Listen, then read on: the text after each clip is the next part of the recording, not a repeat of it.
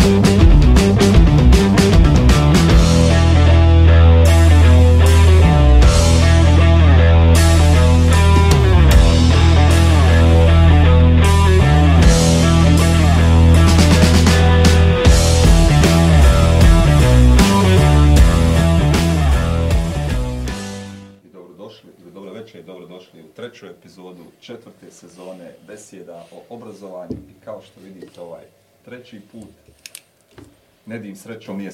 I sve smo mi to počeli. Jesmo, naravno. Ozbiljno, aha, mislio sam da ja kao glavni voditelj onaj, dajem neki... Dosta se tri sezone, tri sezone si vladao emisijom, ne možeš više u četvrtoj sezoni, dolazi do promjene.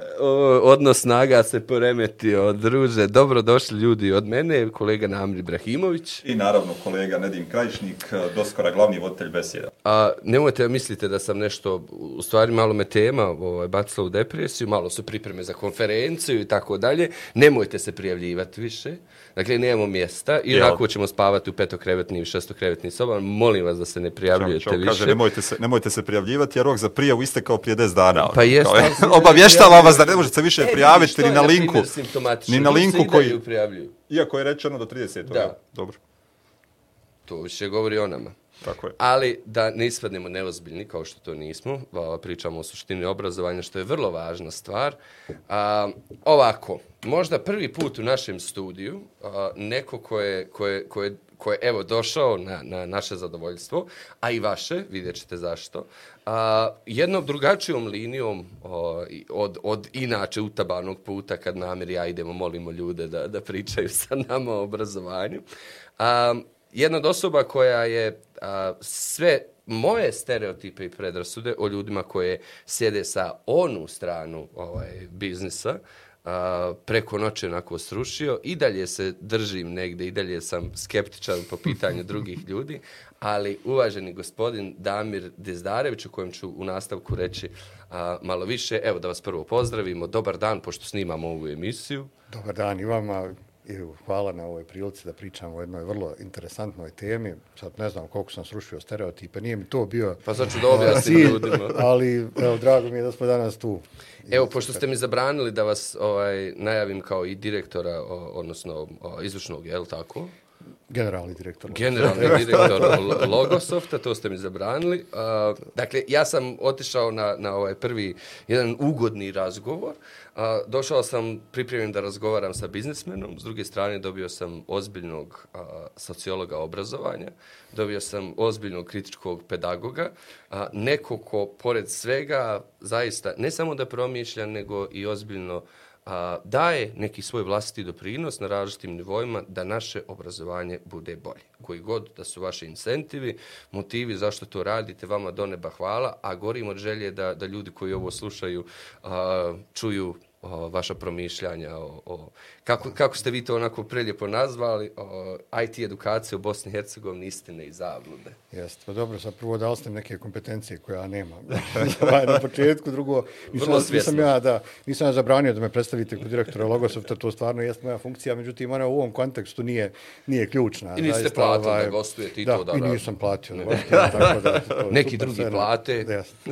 Ovaj, prosto nije u ovom, u ovom kontekstu možda ovaj, relevantna. A, a zašto, zašto sam predložio ovaj naslov? Zato što ja godinama već, ovako ne, da kažem ko ona pjesma jedna poznata, nekako s proljeća počinjem dobijati upite skoro svake godine od roditelja ovaj, gdje što od ovih koji se upisuju u srednje škole ili na fakultete, gdje sa djetetom, ako ga zanima taj IT, hoće sad svi hoće u IT, naravno, to je nekako jedna od tih ovaj, uvriježenih uh, mindsetova da to odmah ide plata 5000 čim završi zaposliš. I nije tako. tako. Pa nije baš Aj, tako. sam I sad, i sad ja, sam, ja sam prvo mislio da, da napišem, pošto imam neki svoj blog, onda sam mislio da napišem taj vodič, ali nikako da stignem da, da to napišem, da prosto to jednom demistificiram i da odgovorim unaprijed svima. Koji, evo prilike, to, ovo je vlog, ne mora jeste, se pisati. je, I onda shvatim, evo, odlična prilika, ovaj, besjede, besjede su stvarno odličan prostor da se, da se o tome priča.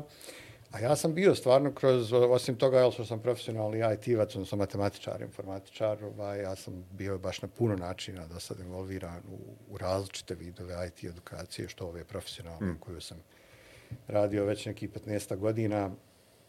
pa onda i kroz saradnju na nekim projektima sa Ministarstvom obrazovanja koje, gdje smo radili ovaj, testiranja nastavnika informatike, pa pisanja knjiga onda za Microsoftov ovaj IT program i tako mnogo toga sam stvarno kroz to prošao. Onda eto to neku, neku kompetenciju ili možda više iskustvo da, da se o tome govori i onda kad pogledate ka, kako to sve kod nas danas izgleda i šta, šta ljudi misle i ne misle, odnosno pogrešno misle, onda shvatite nekako vrijeme se o tome počne govoriti na neki otvoren način.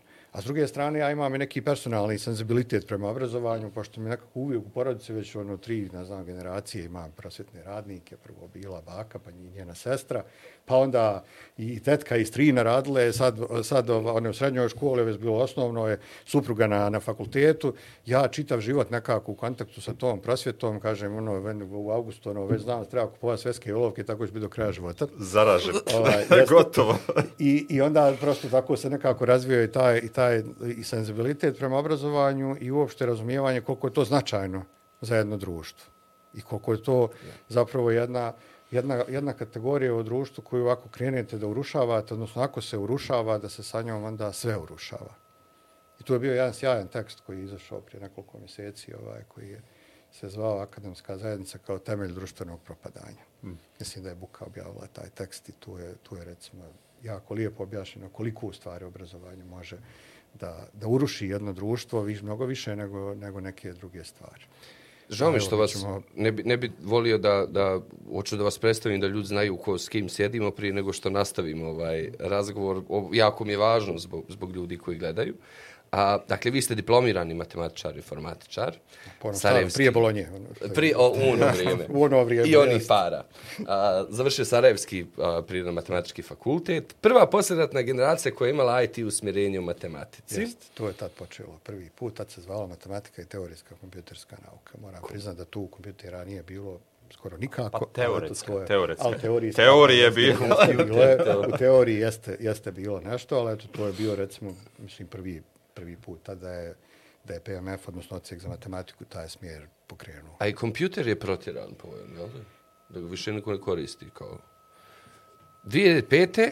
status Microsoft Certified Trainer, dakle certificirani trener za Microsoft, um, koji se dobija nakon niza položenih ispita.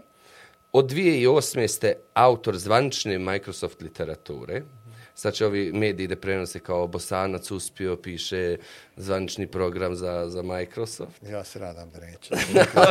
Ti po, površni medijski interpretacija mi je... Kaj naši ljudi uspjeli da, da, da. Napisali ste preko 20 knjiga a, za upotrebu na Microsoft kursevima iz oblasti servera, sigurnosti, virtualizacije i cloud okruženja. Um, 2008. Um, dobili ste status eh, oga MVP kao u NBA, yes, uh, Most Valuable Professional. Košarkom, nema nikakve veze.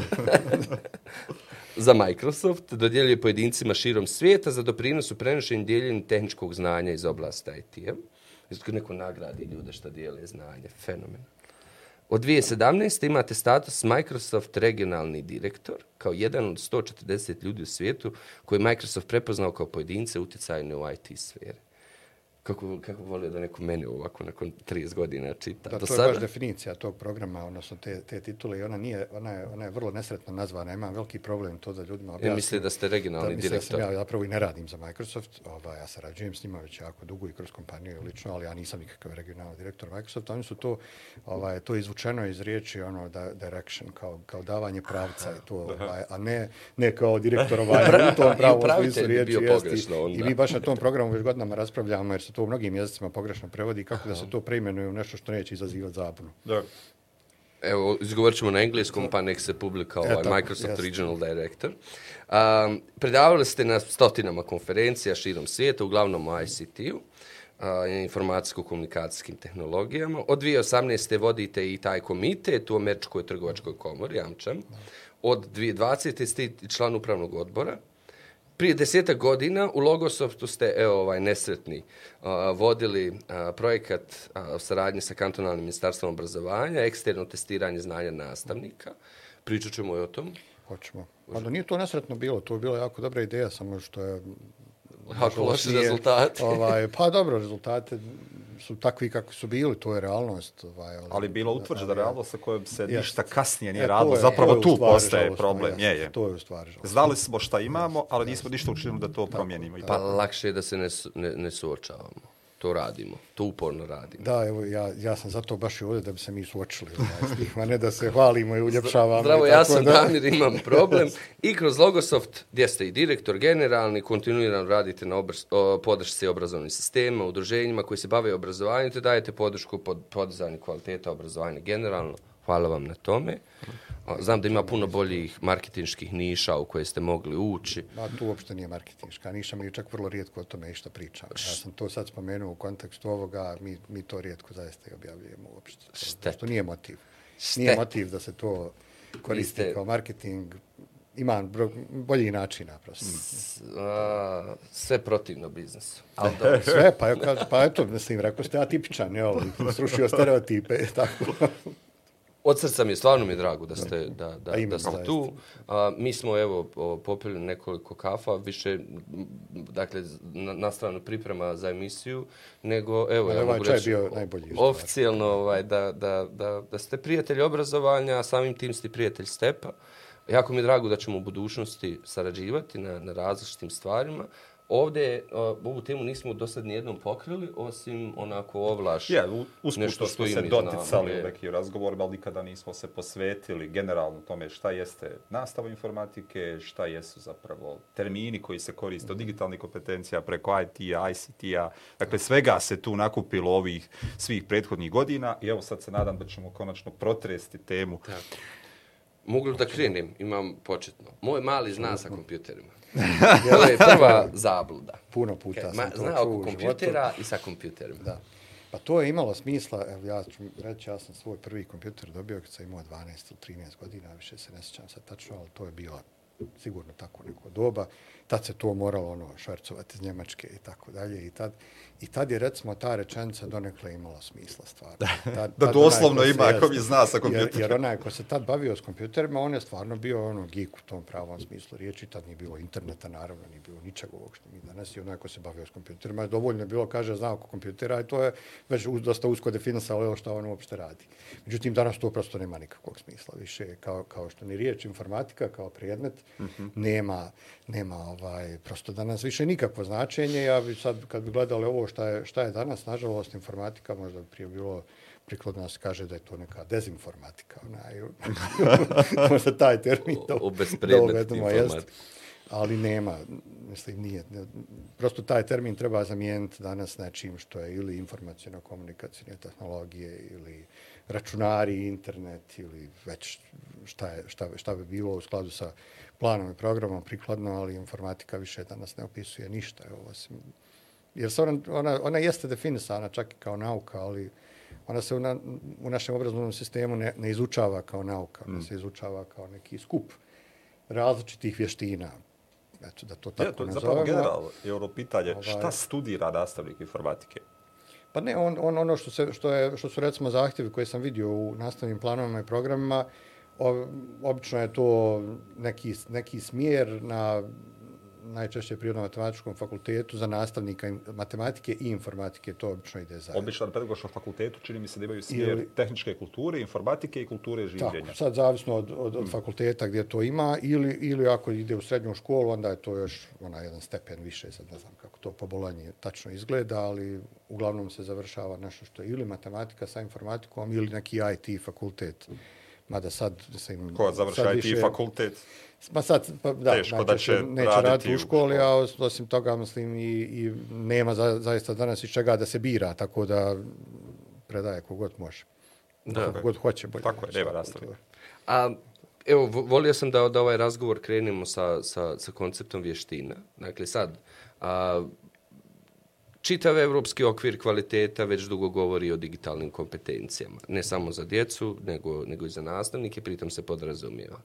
A, čitav ovaj misteriozni, famozni koncept tržišta rada govori o, o IT vještinama, Pritom nisam još uvijek siguran da li ljudi razumiju koncept kompetencija i znanja i vrijednosti vještina koje, koji stoje u to. Dakle, mnogo pojmova je, je, je, je ušlo I mislim da pored kakafonije postoji ozbiljno nerazumijevanje šta u biti i digitalna kompetencija kao takva znači. To je ono što smo krenuli, evo sad šaljivo, moj mali znaok u kompjuteru. Ili ono poznavanje rada na računaru. Poznavanje rada na Da, to, konkursu. to još uvijek stoji na konkursu. Pa ajde, evo, volio bi odatle to je- da krenemo. Od... I, i ja samo da, evo, da, kako to zapravo funkcioniše kad je poznavanje. Ja sam nekad se trebao prijaviti za neku od tih službi države, 2010. Ne pojma, šta je trebalo se polagati taj ispit. Ali prije toga moram dokazati da znam raditi na računaru. I dobro, ja sad kažem, nemam nikakav dokaz, ono, mogu li pokazati šta znam da radim, kao niko to ne testira.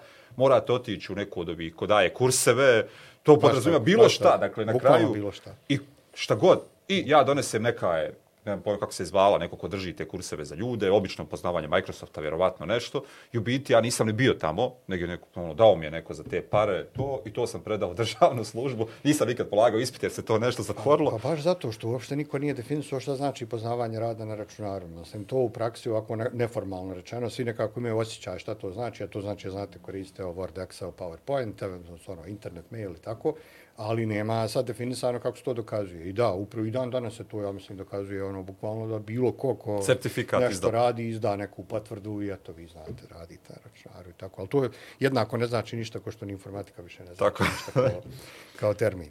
Jer je to zaista mnogo naraslo u različitim smjerovima i to što su danas, što se kaže poznavanje rada na računaru, to nisu nikakve IT vještine. Mm. -hmm. To je korištenje nekih specifičnih softvera. IT vještine su nešto sasvim drugo. Tako je. Šta je zapravo, gdje, je, gdje smo o, u ovom obrazovnom sistemu izgubili taj nivo razumijevanja, odnosno gdje pogrešno uopće prilazimo nečemu što bi bilo korisno za svakog Ja, budućeg ja mislim da stanovnika? ga mi nismo izgubili, mi ga nismo ni stekli. Aha, Stvar. nikako. Da, jer, jer ovaj pristup, ja sam evo pripremajući se za, za ovo gostovanje, uzeo stvarno pa sam pogledao kako danas izgledaju nastavni planovi i programi za predmet informatika koji se Mhm. uvijek tako zove za osnovne i za srednje škole, za fakultete. Nisam gledao zato što, zato što ne postoje fiksni, Tako. nego svaki fakultet to već sebi ovaj, prilagođava i donosi. I onda shvatite da zapravo to, to razumijevanje nije izgubljeno, ono nikad nije ni napravljeno, Aha. zato što je zadržan taj klasični pristup kakav je bio u predmetu informatika i pro, u prošlom vijeku, evo tako se izrazimo, ono to onako aj, malo dramatično zvuči, ali zaista on, on jeste takav. I to je, i, a, a s druge strane, on je jako individualiziran, odnosno personaliziran prema prema, samom, prema samim kompetencijama nastavnika. Mm -hmm. I ono što je mene recimo zaprepastilo kad sam vidio, mislim sad informatika, ne znam prije koliko godina, to, to vi možda bolje znate, kad je uvedena od prvog razreda. U kantonu Ovaj, Sarajevo od 2015. Eto, znam da je to bilo rela, relativno skoro i sad se to radi svih devet godina. Međutim, od prvog do petog razreda osnovne škole ne postoji ni jedan odobreni udžbenik za informatiku. Tako. je. Pa postoji onda za šesti i za sedmi, pa opet za osmi i deveti nema. Mm -hmm. Znači, postoje planovi i programi, ali imamo samo za dva razreda odobrene udžbenike. Šta to sad zapravo u suštini znači? Znači da od prvog do petog razreda, gdje su djeca još uvijek, ako se ne varam, sa učiteljima, odnosno učiteljicom, evo da budemo ravnopravni. rodni. Negdje u petom jesu, negdje nisu, Negdje ali nisu, ali nastavnik eto. predaje informatiku od četvrtog razreda već. Do trećeg predaje učitelju. Ali, znači od prvog do petog razreda vi nemate nikakav udžbenik, imate neki vrlo uopšten nastavni plan i program koji kaže od prvog do trećeg razreda nema nikakve teorijske nastave, nego samo praktično, pa onda već u četvrtom, petom imaju nekakvo, nekakav ovaj, teorijski dio koji otprilike trećinu vremena tog zauzima, ali nema preporučene literature, djeca nemaju iz čega da uče i znači ovise isključivo o onome što zna njihov učitelj, učiteljica ili Nastavnik. Nastavnik pošto ni nastavnici, odnosno učitelji, učiteljice, evo sad ćemo izvat nastavnici, da sad ne koristim okay. ta tri pojma, ovaj, nemaju, oni mogu samo da se snalaze. Znači, oni mogu da, da su prepušteni sami sebe, možda im neko preporuči neku knjigu, možda se informišu preko interneta, sad tu mogu različite informacije da dobiju. I koliko su oni sposobni, koliko imaju kompetencija i vremena da usavršavaju te svoje vještine i da prema planu i programu koji je vrlo uopšten, djeci to prenose, to može da rezultira samo jednim jednom ogromnom variabilnošću u smislu kvaliteta onoga što se isporuči i vrlo nepredvidivih ishoda šta će nakon toga da bude, recimo nakon petog razreda, sa kakvim znanjima će dijete da izađe. I to je, to je nešto što kažem sad, ako, ako tako posmatramo, od prvog do petog razreda, a, ja mislim da bilo korisnije toga nema. I da to da djeca možda više imaju maternijeg jezika ili više matematike u tih prvih pet, Ili pet logičkog razreda. promišljanja. Ili Bilo čega. bilo čega Što što, bi, što, bi im stvarno, što bi ih stvarno pripremilo za nastavak školovanja. Jedna mala digresija kad govorimo o tome, u nastavnom planu i programu za prvi razred osnovne škole, koje je sad, kako je kurikulum došao, više se u kantoru Sarajevo ne primjenjuje, kao u septembru djeca rade dijelove ovaj, računara, ekran, centralna jedinica, yes. miš, tastatura, a onda, kao pošto je tada nabavljene e, one e-učionice sa tabletima i onim tastaturama što je stavljaju, nakon toga dijete prvi put ulazi u e-učionicu. Niti ima nekog monitora, kako su učili, ti ima centralne jedinice, ne ti ima miša. Upravo to. Evo, ja Da ću, li vam- se ja škole ću vam imaju? dati... Da, Imaju da, da, ja ću vam baš primjer upravo taj, znači, ono, mislim, ja sam IT-evac po profesiji, logično da imam u kući kom, raznih kompjutera, mislim, svega. Sve što je napravljeno jeste. ikada. I moja, moja, moja mlađa čerka je sad prvi razred osnovne škole. Aha, ona je najbolje zna. Jeste, upravo ti. Ona, je- ona je došla neki dan iz škole, ja sam je ovaj, preuzeo i ona mi je rekla, tata, ja sam vidjela kompjuter. I sad, mislim, dijete se rodilo s tim kompjuterima u kući i to sve njoj je potpuno prirodno, pa mislim, pa dobro, šta, šta si vidjela? Pa kaže, pravi kompjuter. Pa kako izgleda, rekao, to je pravi kompjuter? Pa to je ono što ima centralnu jedinicu, znaš, ono, ona meni sad opisuje to sve. I ja onda shvatim zapravo da to djete nije nikad vidjelo ta, tu vrstu kompjutera i da je vjerovatno neće ni vidjeti, pošto će nastaviti da radi na laptopu i da, na tabletu, na, na ono što je sasvim prirodno već, već sada. Ovaj, I to je upravo ovo što, što ste vi sad rekli. Znači, oni vide tamo nešto im pokažu i onda poslije odu da nešto praktično radi i ništa od toga više nije uopšte realno, jer danas više vrlo malo koji kupuje takve kompjutere, mislim, većinom se kupuju evo, laptopi i tako i to. I odatle kreće u stvari ta, ta ova zbunjenost, u stvari ta jedno de dezinformisanje, zato kažem dezinformatika bi bilo možda, možda bolje. I da, oni rade to na, na, na takav način, međutim ima tu poslije, bar u nastavnom planu i programu, i dosta, dosta ovako ozbiljni tema. Mm -hmm. kažem, za taj period ovaj, do petog do petog razreda dok još nema knjiga. Imaju tu komponente sistema, pa algoritmi i strukture podataka, ja sad čitam. To od prvog do petog, jel? Da, da, da. To su teme koje se obrađuju. Pa digitalno društvo, pa programiranje kroz igru. To su, da, to su sve predviđene teme nastavnim planom i programom. Znači, za, od koje, gdje se očekuje od nastavnika i ovaj, da on to zna, on Tako ona, i da to isporuči djeci, iz čega niko ne zna.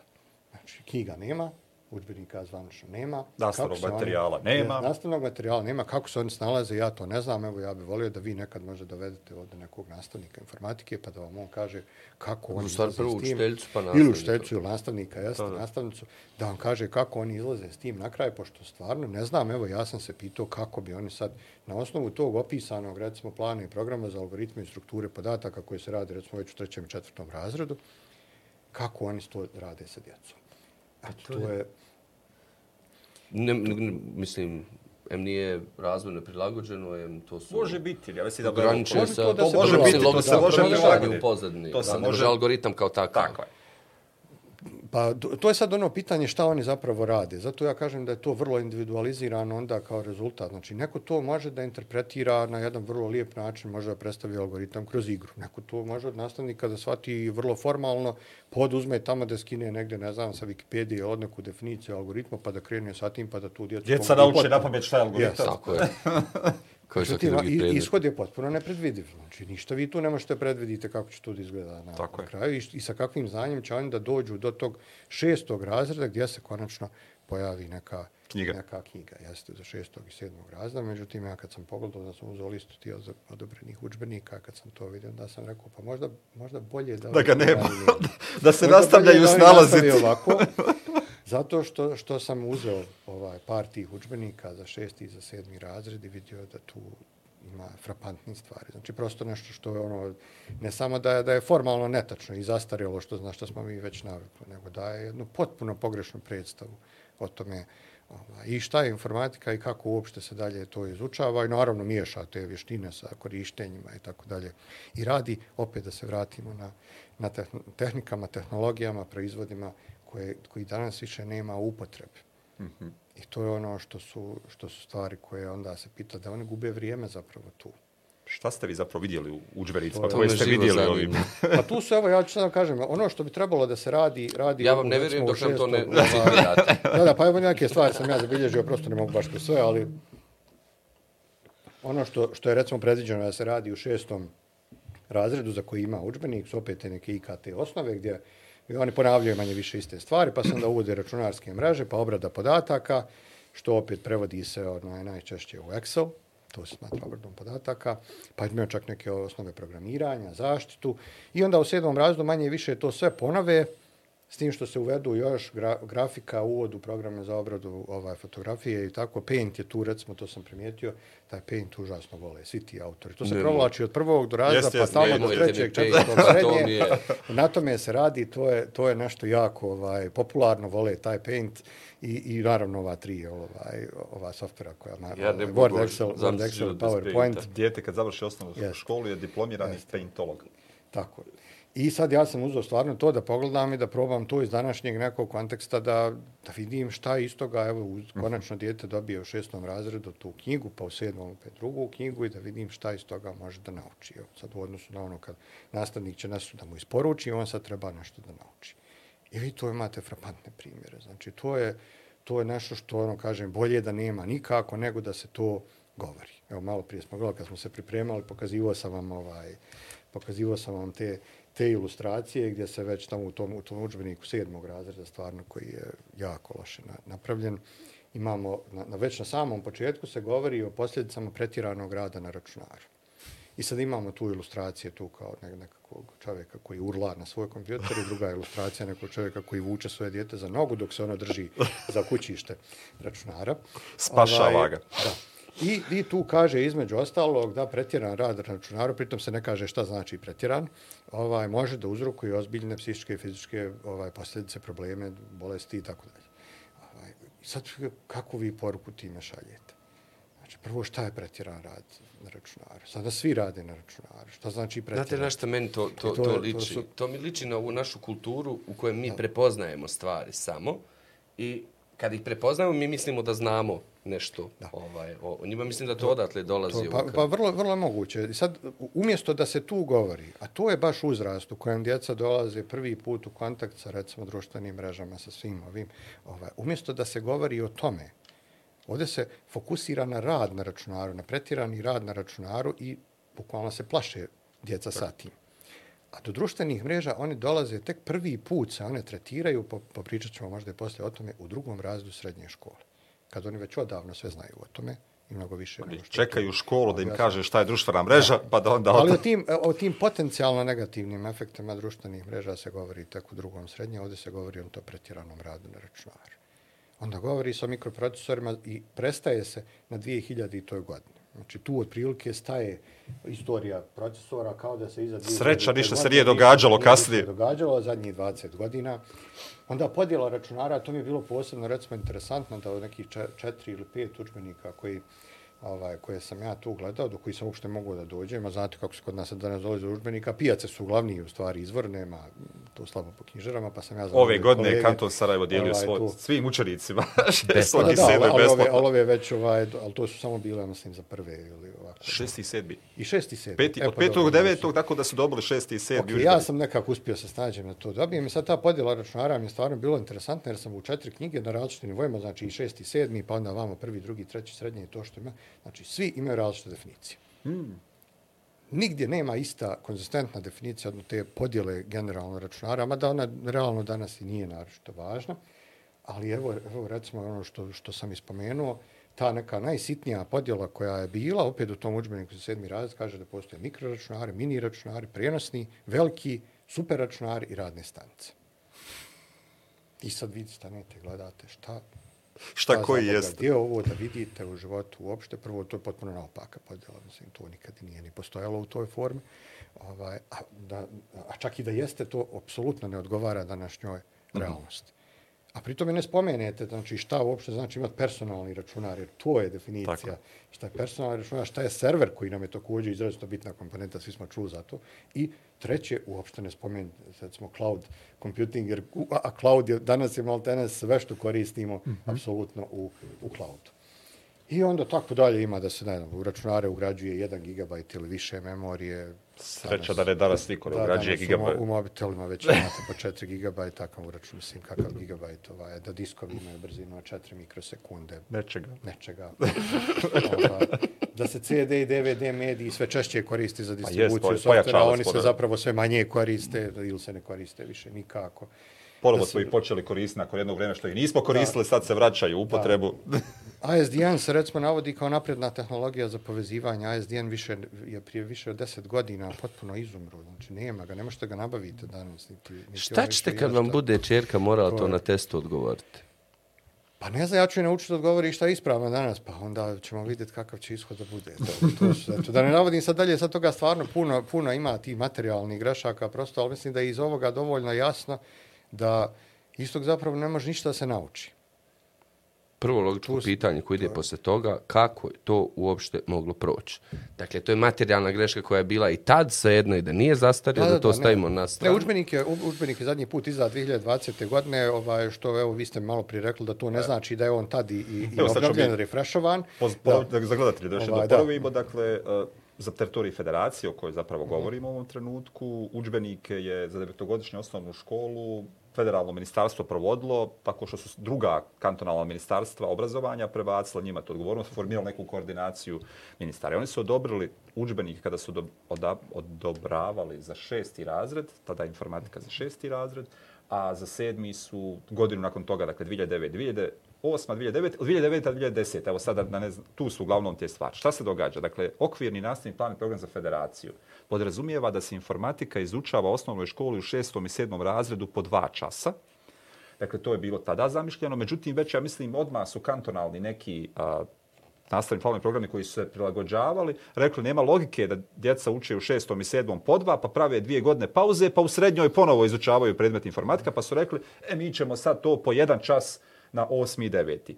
I zato ne postoji udžbenik za informatiku osmi i deveti, jer se podrazumijeva da je udžbenik za šesti... Dvogodišnji. Da, dvogodišnji, dakle za šesti i sedmi, a da je A za udžbenik... sedmi, osmi i a, za- a za deveti. sedmi da je udžbenik za osmi i Da, deveti. ali to, ali to, to uopšte ne odgovara, recimo, planu i programu. programu, jeste, jer su onda umeđu vremenu kantonalni ovaj, mijenjali svoje nastavne planove i programe, stavljali neke druge sadržaje, tako da udžbenik ne pokriva čak ni ono što se radi. Ne, ne, apsolutno ne pokriva, zato što sam ja to poredio, ovaj, eto, čak i ne znajući da je to se desilo, ali sam htio baš da vidim, evo, Marko, možda, naslučivo sam nekako možda da je to u pitanju i onda sam vidio prosto oblasti kojih ima u osmom i devetom razredu, kao što su recimo web dizajn, pa programiranje, pa ovaj, neki brojni sistemi i tako, to uopšte nije pokriveno u, u, u, tim, u tim udžbenicima. I onda opet se vraćamo na to Da će- nastavnik je taj koji mora- da se sam da se sam snađe.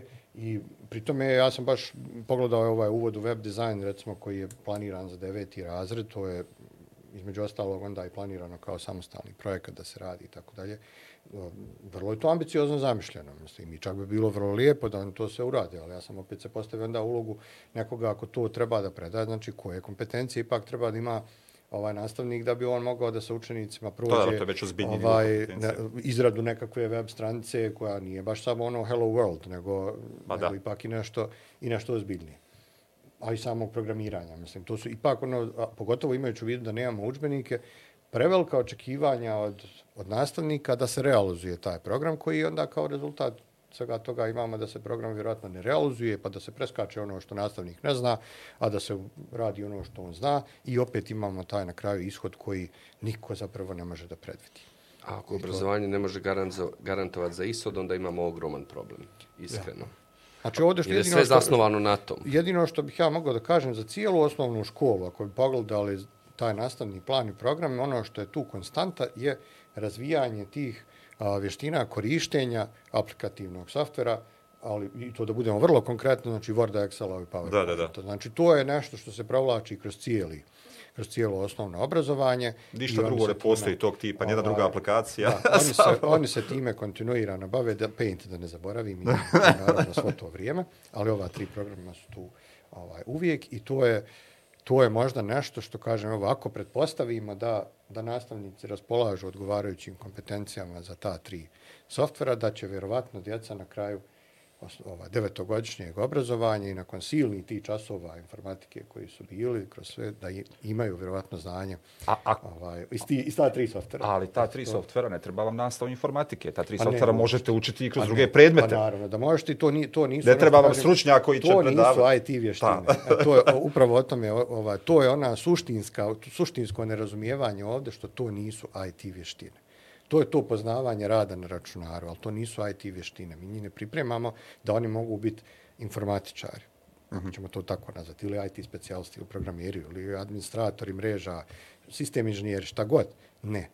Mi njih učimo da koriste tri softvera za koje bi vjerovatno, ovo čak i dobar vaš prijedlog, bi bilo vjerovatno možda prikladnije da se u, u okviru nekih drugih predmeta ovaj, rade, možda bi bilo kreativnije. Evo, pošto vidio sam tu ima neki, neki pojam kreativnog računarstva isto predviđeno u, u nastavnom planu i programu. Baš me zanimalo šta je kreativno računarstvo. Da, ali Excel, evo, sa Sam jasno, matematike, fizike, za Da, da, da, pa Word nastava, moglo, bilo koji, jeste. god piše, bilo koji rad. Da, da, u prezenta- PowerPointu i onako prave prezentacije svih predmeta danas jeste. Tako, Tako da, to, da- je, to, to su eto, vještine, kažem, što, koje bi se mogle kao neki zajednički nazivnik svega ovoga, eto to vjerovatno nauče. Mi o ovom pričamo godinama, mislim društvo priča, na vrlo površnom nivou. Svi znamo da nešto ne radi u ovom konceptu informatike u školama, kao što ne radi mnogo druge stvari, da ne iskoristim priliku da to kažem. A, nisam čuo ozbiljne glasove, iskreno, do, do ovog. Sve ovo, ah, to je zastarjelo i tako dalje, to mi je na nivou teških torb. A šta u biti djeca treba da uče? Šta informacijske tehnologije, informacijsko-komunikacijske tehnologije danas podrazumijevaju? Ne samo danas, u nekom bezvremenskom, gotovo generičkom prostoru, šta bi, šta, koja je to u stvari? Koje, koje su to znanja, vještine koje jedna takva uh, velika nauka bi trebala da, da, da, da ima? Znači, jer sad gubimo vrijeme, očigledno. I nastavnici, pritom za Da, nastavnike ne možemo garantovati ni nivo njihovih kompetencija, možemo Ne, se oslanjati na njihov entuzijazam, dobru volju, eventualno koje su njihovu... stekli sami, ono, Tako je. Dakle, ne možemo To- ništa pa to- garantovati To je u tom upravo ovo što ste, što ste u uvodu spomenuli, znači to, taj projekat na kojem smo mi radili prije deseta godina, koji je imao ovaj, za cilj upravo da, da pokaže to. Kako, Da snimi kako je iz sta- da snimi to stanje. On je upravo tada pokazao upravo da je to ogromna neujednačenost. Znači, to, to su to nije, nije u kakvu ono, neku distribuciju, ne može da se smjesti da kažete, ono, kao, nego to je, to je haos, otprilike u kompetencijama koliko one variraju između samo dvije osobe koje rade isti posao Da, da, da. i samim tim onda i rezultati ovaj na, naravno da variraju. Ono što ovaj šta da se vratimo na, na to pitanje, šta bi šta bi zapravo tu trebalo. Mi smo ovdje gledajući, gledajući ovaj gledajući ove nastavne planove i programe, oni oni čak nisu u nekim recimo u srednjoj školi, oni oni su vrlo ozbiljno zamišljeni i oni čak i, i su dosta i realno ovako postavljeni u odnosu na neke o, trenutne tehnologije. Ali u osnovnoj školi to ništa. Znači, apsolutno se stari jedan koncept koristi. Znači, ovdje se bi se suštinski trebao promijeniti generalno koncept pristupa tom predmetu. Mm -hmm. Prvo, Znači, učbenik to- nam, ja stvarno mislim da ne samo u informaciji, nego mnogim drugim ne treba. Da sad, uh, možda bi bilo bolje da ga da imamo za sve te razrede kako bi opet mogli osigurati neku konzistentni, konzistentni izlazni rezultat. Da ne bi toliko zavisili od samih nastavnika. Ali pristup koji se danas tu ima, ovaj, za, naprosto ne daje odgovarajuće rezultate ili je to djeci onda dosadno ili oni to već znaju ili ne mogu da povežu uopšte te stvari koje im se tu govori jer se skače sa tema koje su potpuno nepovezane. Da vi sad u ovim starijim razredima osnovne škole, recimo, imate to da učite, učite taj famozni Word i onda hop, od jedan put na računarske mreže nešto, pa onda s mreža na Excel. To su tri oblasti, nikakve veze jedna s drugom nemaju.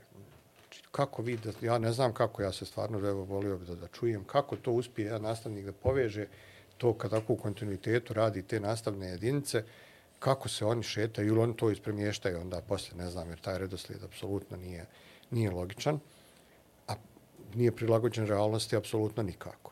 Znači da, da jeste zastarjelo, mada tu treba, treba još jednu vrlo bitnu stvar reći. Ovaj, postoji jedna, jedna ovaj, isto od zabluda koja je dosta široka, pogotovo o, u svijetu ne, ne IT-evaca, a to je da se, da se neke da se stvari u IT-u jako brzo mijenjaju. U stvari to nije tačno. Ovaj, suštinske stvari u IT-u se zapravo uopšte ne mijenjaju tako brzo. I evo ja ću vam dati jedan, jedan, jedan ili par nekih ovaj, vrlo razumljivih primjera. Koncept računarskih mreža na kojima i dan danas počiva internet, znači to je samo globalno umrežavanje, ali taj suštinski koncept i protokoli koji su tada definisani, to su stari otprilike koliko i ja, znači neki 45 godina, 46, ja imam, eto ovo je možda 45 godina, ili eto možda malo manje. Ono što je suštinski ta definisano kao skup recimo protokola koji se, koji se, danas, koji se koriste u povezivanju računara se i dan danas koristi u gotovo neizmijenjenoj formi. Znači, mijenja se aplikativni nivo, mijenjaju se aplikacije, suštinski koncepti se nisu promijenili. Protokol koji je definisan za e-mail, koji svi dan danas mm. koristimo, je star više od 35 godina. U gotovo neizmijenjenoj formi se koristi i dan danas. Postoji ih još, još dosta takvih primjera, ali recimo ovo su možda neki onako naj, najparadigmatičniji mm. koji stvarno o tome govore. Ne mijenjaju se te suštinske stvari tako brzo. Ja, ja volim tu da kažem, mijenjaju se stvari na aplikativnom nivou, na tom konzumer nivou sad ima taj pojam konzumerizacije IT-a, to je to omasovljavanje korištenja ICT tehnologija generalno. To sad svi koriste, počeo od ovih pametnih uređaja pa tako dalje i to je jedan proces gdje je to konzumerizirano. I tu mi imamo dojam da se stvari jako brzo dešavaju. Svaki čas izlaze neki novi gadgeti, mobitel, kompjuteri, ovaj, to je stalno. Međutim, to su kozmetičke promjene suštinske promjene koje se dešavaju recimo na nivou mreža, interneta, procesora i to, to se dešava jako sporo. E sad, koliko I, se toga, to se ne izučava u, u našim školama? Ništa mi to skoro ne izučam, da. A, zanima me, ono, da li, kako vi vidite to? Dakle, da li mislite da bi to bilo korisno znanje u obrazovanju? Da, da, da, dakle, to gdje bi ga i ko bi se mogao da. ono, baviti time, na koji način i šta bi to donijelo učenicima, ono kao od, od dodatnih stvari koje sada nemaju, da imaju tu vrstu znanja. To bi donijelo zapravo da vi usadite od početka mladim ljudima neke temeljne koncepte informacijono-komunikacijnih tehnologija na osnovu koji će oni posle moći da razumiju mm. sve ovo drugo. Mm. Ne da ih devet godina učite Paint i Word i Excel, i to ih učite verzije u knjigama koje su prije 20 godina napravljene. Evo sad koje ne možete da sad trenutno. Za šesti i sedmi razred, tu su primjeri dati screenshotovi kojih ima jako puno za Word i Excel 2003, 2007. Yes, XP, Jedan, Windows. I Windows XP i Vista i šta ja znam, znači ništa od tog više ne postoji. To je beskorisno, potpuno beskorisno što, što se tu radi. A s druge strane, sve ovim suštinskim konceptima, recimo da vi temeljno objasnite neke kako komuniciraju danas računari, šta ta internet zapravo predstavlja. To nigde nije definisano. Što uopšte šta je internet? Yeah. Znači, te definicije interneta, to bolje da ne čitam. To šta je, šta je napisano, kako je internet objašnjen, to je strašno. Da Samo priznajte, ili se zabavljate se, na nekom ovaj, nivou kad čitate? Pa ne, to bude u početku zabavno, posle, posle nije tuga, više. Uopšte, tuga, ovaj, uopšte nije više zabavno. Ovaj, ali nigdje, znači, ni jedan od tih suštinskih koncepta na kojima počiva, počiva danas taj svijet, čitav ICT-a, nije objašnjen ni na kojem nivou. A onda se već u srednjoj školi podrazumijeva da se to zna. Mm I tu onda jedan gap naravno postoji, ovo vama nisu ništa naučili, ovi krenu od toga da, se, da, je to sve, da je to sve već poznato i zapravo se ti suštinski koncepti nikad ne savladaju. To onda na kraju dođe time da vi opet se ostanete na tom aplikativnom nivou korištenja aplikacija, razvoja softvera, to ispod toga ne vidite ništa i dalje nastavljate da konzumirate znanje preko YouTube ovaj, videa, jer knjige više, jel, kako mm. prvo ne postoje, onda to više ljudi danas, danas mladi nemaju strpljenja da čitaju, ne nauče te temeljne koncepte onda kad treba da ih nauče i Sad govorimo o dva koncepta. Jedan je koncept površnosti, koji je generalni za sav da. pristup znanju, informacijama i podacima, činjenicama koje tek treba da dižeš na, na, na više nivoje, da ispajaš, da kokreiraš, da, da stvoriš nešto dobro. Dakle, jedan jedna je površnost, a druga je ovo o čemu govoriti. To smo, mislim, prvom sastanku, ovaj, našem razgovoru pričali, a to je ta iluzija da, da, da u biti smo mi digitalno pismeni, Ne, mi smo, ja mislim, na najnižim nivoima digitalne pismenosti u kojoj možemo to da koristimo. Da. I onda informatika dođe kao puka manifestacija naših uvjerenja. Biti mi želimo djeca to koriste i to je, to je to. Dva su pitanja meni ovdje sada. Zašto mislite uopšte da je stanje ovako kako je? A, ko je taj, ko su ti koji bi sad trebali da, da, da vrište oko, oko ovoga? Jer ne vidim da nešto IT industrija sa svim svojim pričat ćemo kasnije o njoj vrišti na ovo, kao što ne vrište na druge predmete. Druge, Ma ne, ovaj... pa nije to ni posao IT industrije ovim realno da se bavi. Mislim, onim, da, Pa što je sa to roditeljima? Evo, ako to- ništa na, na, iz stomaka Da, to- to je dolazi jako da je nešto pitanje. pogrešno. To je jako dobro Dakle, ne, ne moraš Šta- mi definisati do kraja, ne, morate, ne, mora, ne moraju kao vi, uh, ali svi osjećamo da je nešto pogrešno. Zašto onda i dalje ovo? A, ajde krenemo od toga šta je s roditeljima. Pošto tu imam stvarno jedan primjer koji sam baš zapamtio. Ovaj, pošto je bila, bila je ona pandemija, je li, onda su škole morale da se, da se prebace na Hmm, to je isto poseban segment. online nastavu. Ovaj, I dosta dobro su se, moram priznati, škole u kantonu Sarajevo su se čak i dosta dobro snašle. Da one su dosta brzo te ovaj, sisteme uspostavili. Mm, Ajde, ne baš sve, ali recimo da je, pratili smo mi to, nekima smo i pomagali i tako dalje, da, tako da je to uspostavljeno. I sad krenula je ta nastava i tako moja čerka baš tad bila u tim nekim mislim, šesti, sedmi razred ovaj, osnovne škole, ne mogu se tačno sjetim, da, tako je bilo. I znam da je tad, naravno, roditelji, Viber grupe roditelja i to obožavam. ovaj, ali tu, je, tu, sam, tu sam primijetio da je, da je jedan ovaj, solidan broj roditelja to prokomentarisao, evo, odlično, na, ovim, na ovaj način će nam djeca postati IT eksperti. I evo, ovo je baš dobra prilika da oni sad to sve tako savladaju. Znači, to je, evo, pitate šta su roditelji, znači roditelji to uopšte ne razumiju. Tu razliku između toga da vi koristite Teams, YouTube ili, ili Word i Excel, od toga da ste IT ekspert. To je doživljeno na način, evo super, sad ćete razviju i te vještine, naučit će nešto što nisu znali do sada i s tim onda dalje lakše. Ko bi trebao da, da se time bavi? Pa prvo bi trebao da se bavi onaj ko donosi nastavne planove i programe. I sad ja moram da kažem da nastavni planovi i programe ovako kad se pogledaju na papiru, čak i nisu loši. Uključiš i za osnovnu. Ovaj, pa eto, za osnovnu školu dalo bi se tu, ajde, još, još ovaj, na, na, tome, na tome raditi, ovaj, ali recimo za ove krajnje razrede, a pogotovo za srednju školu, oni uopšte nisu loši. Ono što, je, što jeste loše zaista su ove prve godine i to gdje se ti suštinski koncepti, ovaj, ali recimo osmi, deveti razred i ovo što se nastavlja za srednju školu i nije tako loše. Međutim, ja ne znam da li iko razmišljao tada ko će to da implementira i na koji način. Tako da mi imamo, recimo, dobar, ja sam baš pogledao evo za, za, ovaj, za, za a, drugi razred informatike, plan i program, stvarno tu ima... Srednje škole treba. govorite. Za srednje škole. Jeste, imaju tu i društvene mreže, imaju i nač, kako je strukturirani, organizovan internet, i komunikacijni alati, i cloud computing, i svašta se tu spominje. Kad se malo dublje uđe, onda se i tu vide da, da, tu, da, da, da i tu su pogrešne predstave. Ali nema tu ni preporučene, odnosno ima preporučena literatura, i sad opet da se vratimo evo, na to, zadnji pravi udžbenik iz informatike koji je napisan, evo za srednju školu, napisan 2003. godine.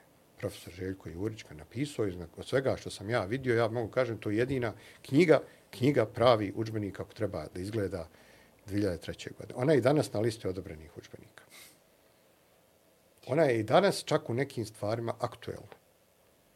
Naravno da je dosta toga i prevaziđeno iz te knjige za 20 godina. Međutim, rekao bi da je daleko tačnija i daleko bolji pristup da ima nego što je knjiga koja je izdata za prvi i drugi raz gimnazije za 2019. godine. Mm.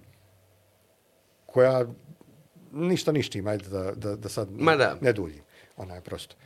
I tu vidite zapravo koliko, koliko je to, znači oni su napravljeni nešto 2003. To je bilo dobro u to vrijeme. Promijenilo se posle nastavni planovi i programi puno puta, naravno da to ne može iz 2003. više da se koristi, iako se koristi. Ja sam baš tu knjigu ovaj dobio od, od ovaj, jedna, jedna kolegica je to donijela od, od svo, ovaj, svog djeteta. Ja sam pitao, oni ovo stvarno koriste i dan danas. Mislim, super je ovo knjiga bila 2003. Ali i onda to kažu, oni to koriste. Za zašto koriste, ne znam, vjerovatno za neke, za neke fragmente, jer ove druge nisu dobre. Ali to vam pokazuje zapravo da se nije razmišljao o tome kako se to implementirati. Neko je sjeo i napisao je te nastavne planove i programe, recimo za srednju školu, dosta ambiciozno i tu se stalo. Ne, ništa ga ne prati. I ne prati ga ništa. I onda tu opet vratimo, znači, ili na zastarjele učbenike koji stvarno ne mogu da se koriste jer su neadekvatni. Na nas, profesore, evo tad već u srednjoj školu su profesori informatike koji ih nema. Znači, da se razumijemo, nema ih. A i ovi koji ima, ne mogu to da postignu, jer šta, šta smo mi danas dobili? Svaka skoro srednja škola ima danas neki IT smjer. Evo vi uzmite Jest, prvog jest, gimnazije. jest, jest. Sve imaju, je tako? Gotovo svaka, mislim da svaka gimnazija ima, a i dosta usmjerenih škola ima neki IT smjer. Zato što oni se prosto bore danas na tržištu. Evo, treba se izboriti za djecu. Kako ćeš ih privući? Pa najlakše je sa IT-em. To hoće svi. A kako ćete im to isporučiti? E, to ne zna niko. Jer nema tih profesora i nema, nema odgovarajuće kadra koji je spreman da to na takav način isporuči. Jer svi ovi koji su s ovim bave, s ovim tehnologijama koje sam ja sad nabrojao, pa mislim najvjerojatnije neće, nažalost, da rade, da rade u školi. Da, da. Nekoliko stvari koje su, ono, koje ste sad rekli, uh -huh. koje su ono, bitne. Jedno ono čemu smo razgovarali prije emisije zapravo da na predmetu informatika se najbolje, najjasnije vidi koliko generalno obrazovanje kaska ili koliko generalno obrazovanje nije sistemski planirano, koliko generalno obrazovanju se ne vodi nikakav strateški plan o tobe šta mi hoćemo da učimo djecu i zašto bismo Tako. ih učili. A drugi nivo ovoga jeste da u smislu neko kaže joj, super je danas, važno je da djeca ono, znaju raditi na računaru ili nema pojma mhm. šta, da znaju engleski jezik i ajmo mi uvesti predmet od prvog razreda osnovne tako. škole. To tačno tako je bilo. I ako da, uvedemo u prvi razred, mi ćemo odjednom dobiti čitav niz IT stručnjaka kao da se ono, ne znam, tipa kao da je najvažnije, vi bolje znate nego ja, najvažnije da li neko zna otkucati nešto, da li zna, dakle, niti je važno kakve ideje ima, ni kako će riješiti problem, ni kako će prepoznati gdje se šta nalazi i to je kao negdje gdje, ne znam, gdje će to steći, u kom oblaku, na predmet informatika, na, na drugom predmetu, na čemu? Pa neć, pa ne, mislim, to, to, to su, evo, zato kažem, to je zaista zamišljeno, evo ja gledam sad ovdje, Znači, recimo, imate oblasti u drugom razdu predviđeno da se radi sad opet NPP-om, ovaj, Internet of Things, pa je predviđeno da se radi sa Arduino i Raspberry Pi pločama ovim. Što su blokovsko programiranje. Jeste, što je stvarno su lijepe ideje tu. Ovaj, pa onda se radi se čak eto malo i sigurnost i privatnost na, na internetu. Pa organizacija životnog ciklusa IT projekata, znači to su stvarno dobre teme. Ali niti imate odakle da ih učite, niti imate koga da to isporuči. I tu mi zapremo zapravo. I onda vidite, e sad zašto se, to je dobro pitanje, zašto se ne žale? Ne znam zašto se ne žale. Trebalo bi zaista da se, da se žale, ali uh, vjerovatno je razumijevanje ono takvo, pa ajde, kroz ovo se onda lako prođe, jo, jer ako ne mora ništa, onda se mora malo, brzo se dobiju ocjene, pa ne mora ovaj, mnogo da se, da se, da se muči, naučit ću to nekad kasnije, i tako to kasnije obično ne dođe. Kad se budemo vraćati. Kad dođemo na fakultet, onda, onda drugi izazovi tu čekaju. I, i drugačije, jes, dru, drugačije predstave i ne, zapnete onda, znate. A, a propustite neke prilike, recimo, da, da makar neke temeljne stvari postavite. Umjesto što smo to raširili informatiku do ne znam, devet, pa plus dvije godine, pa onda od trećeg i četvrtog već krenu ovi predmeti ovaj, usmjereni u, sre, u srednjoj školi, koji isto imaju dobre planove i programe. Znači, vi, vi ste napravili jednu iluziju toga da vi 13 godina jel, učite djecu, recimo, ovaj, IT-u. Nečemu što ima najširi okvir da, informatika.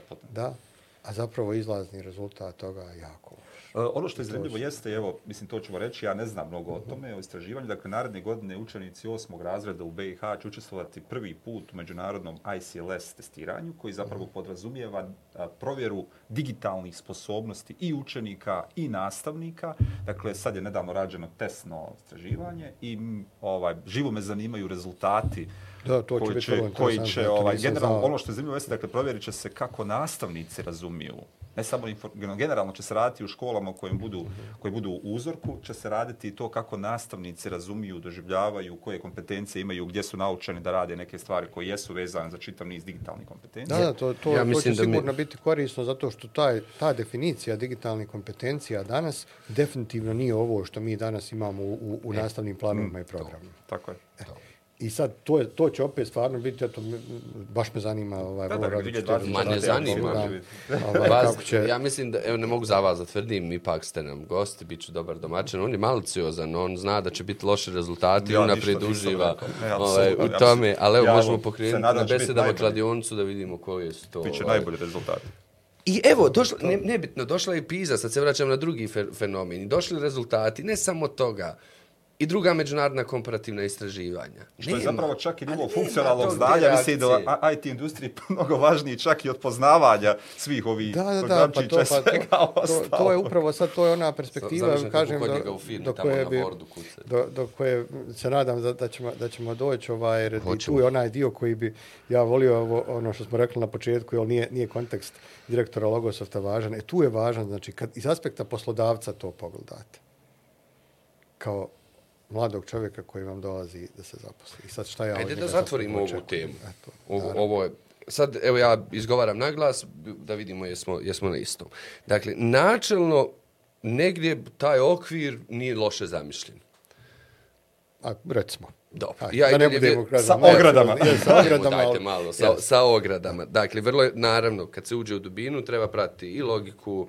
A, meni su u ovakvim procesima vrlo važna participativna a, okruženja u kojem oni koji će to implementirati učestvuju u samom stvaranju. Dakle, mi moramo se utopijski držati te ideje da ljudi koji će to sutra implementirati moraju biti dio svih procesa na ovaj ili na onaj način. Naravno, svu pomoć sa strane.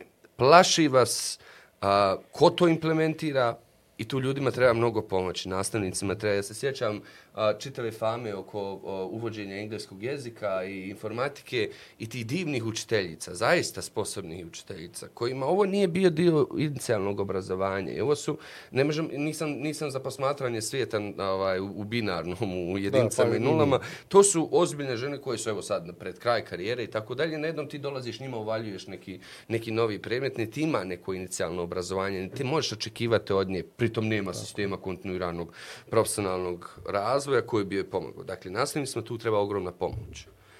Prije toga trebamo svi dobro da promislimo smisleni put kako informacijsko-komunikacijsku tehnologiju uvodimo u sisteme obrazovanja. Naglas izgovaram, vi se ono složite ili ne složite. I treći faktor da smo ovo morali raditi juče. Ja Ili da nam ostane kao simbol svega što je pogrešno u Mislim obrazovanju. da smo trebalo prije deset godina, kad je, kad je započeto ovo, kad smo radili ovo eksterno testiranje Mhm. ovaj, nastavnika, da je to bila jako dobra prilika da se na osnovu identifikovanih a, nedostataka kompetencija, da, tako da, da, to, da to kažem, ovaj, prvo osmisli program edukacije tih nastavnika, kontinuirane edukacije tih nastavnika da bi oni uopšte mogli da podignu te svoje kompetencije koje iz objektivnih razloga nemaju, jer ih niko to nije ni, ni učio, niti to kod njih očekivao. To je jedna stvar, znači moralo se to na tome uraditi. I to je bila jako dobra prilika da se tada uradi i prilagođavanje nastavnih planova i programa u cijelom ciklusu obrazovanja. Ja bih rekao da je to urađeno samo za srednje škole. Da je za osnovne škole to ostalo iz nekog doba, ne znam sad tačno koje, kad je to doneseno, ali mislim to, to je pristup koji definitivno više A nije, da nije adekvatan. To. usprkos nalazima koji su potvrdili da nastavnici koji su tada radili kao nastavnici informatike nemaju zadovoljavajući nivo znanja potrebnih da bi kvalitetno predavali nastavu. Ne svi, ima tu različitih kategorija. Da, da, bilo ali sve. dakle imamo taj nalaz i šta mi onda radimo? Mi još uvodimo predmet od prvog razreda osnovne škole. Da, eto to, da. Otpri- Otprilike, da, to je jako, jako dobar zaključak. Znači, Imali smo mi na- pogoršavamo još Da. stanje umjesto da ga Kažemo, poboljšamo. ni ovo što imamo sad, nemamo dovoljan broj kvalitetnih ljudi da predaju kvalitetno, a mi ćemo sad da povećamo fond sati znajući da ne možemo dobiti ovaj kvalitetne ljude da rade ili predaju informatiku. Da, eto, to je baš tako bilo i mislim da, da, da nam je jasno svima evo, šta je, čime je to, čime je to onda rezultiralo. Hvala vam na ovom doprinosu konkretni ovi koji će možda inspirisati ljude da, da vrisnu, ako ništa. I sad dolazi trenutak kad vas roditelji djeca završila srednju školu i zovu vas, pošto vas poznaju, znate da, ste- da ste u, u IT industriji, šta moje dijete da upiše, koji su dobri ovi fakulteti za kompjutere. Prvo na to nemam, nemam od, odgovor, ovaj, zato što prvo ne želim nikoga da, ni da reklamiram, ni da, ni da kudim, a mogu bi jedno i drugo.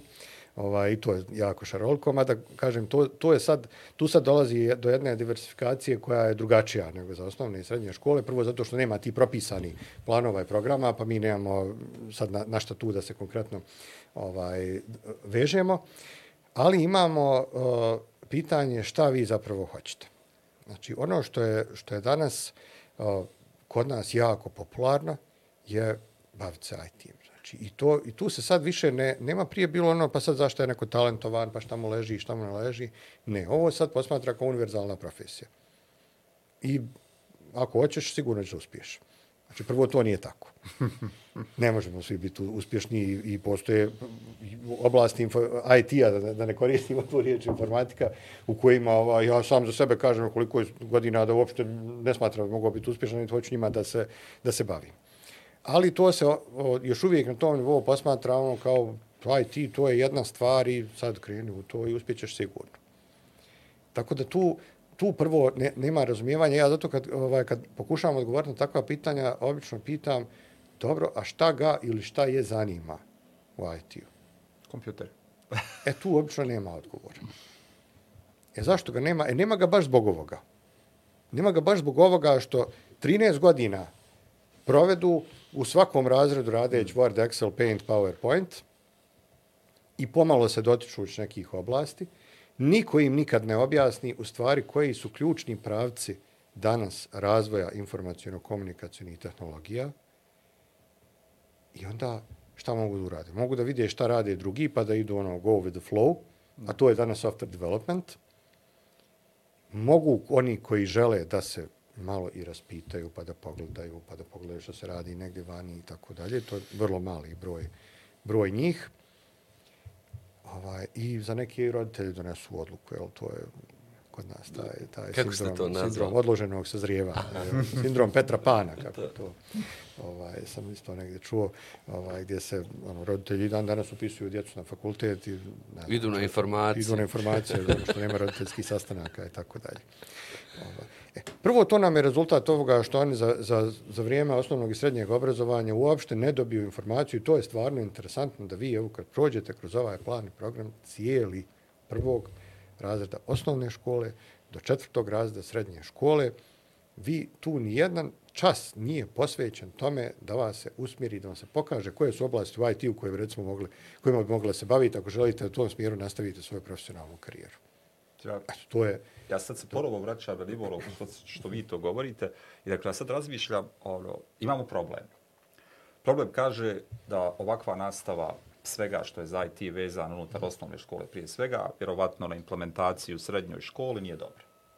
Što nije dobra, nemamo neka pouzdana istraživanja od svog testa koje smo radili, evo dobit ćemo ovo. Jedno od tih sigurno znamo, dakle, da zapravo nastavnici nemaju dovoljnu podršku, nisu prošli inicijalno obrazovanje koje im pokazalo kako i šta da rade, zastarjelost nastavnih planova i programa i sadržaja koji tu stoje, a s druge strane imamo čitavu grupu a, mladih, nešto starijih ljudi koji zapravo znaju šta to jeste i na koji način bi to koristilo. U mojoj stvari, viziji stvari, dakle, bilo bi logično da vidimo koji je način da ljudi koji se bave IT-om, najuspješnije, dakle, mogu pomoći da se unutar obrazovnih javnih institucija educiraju mladi ljudi oko nekih bitnih stvari. Dakle, je li postoji stvarna prepreka da se to ne desi?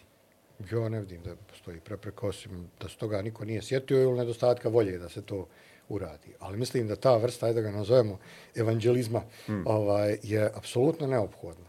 Hmm.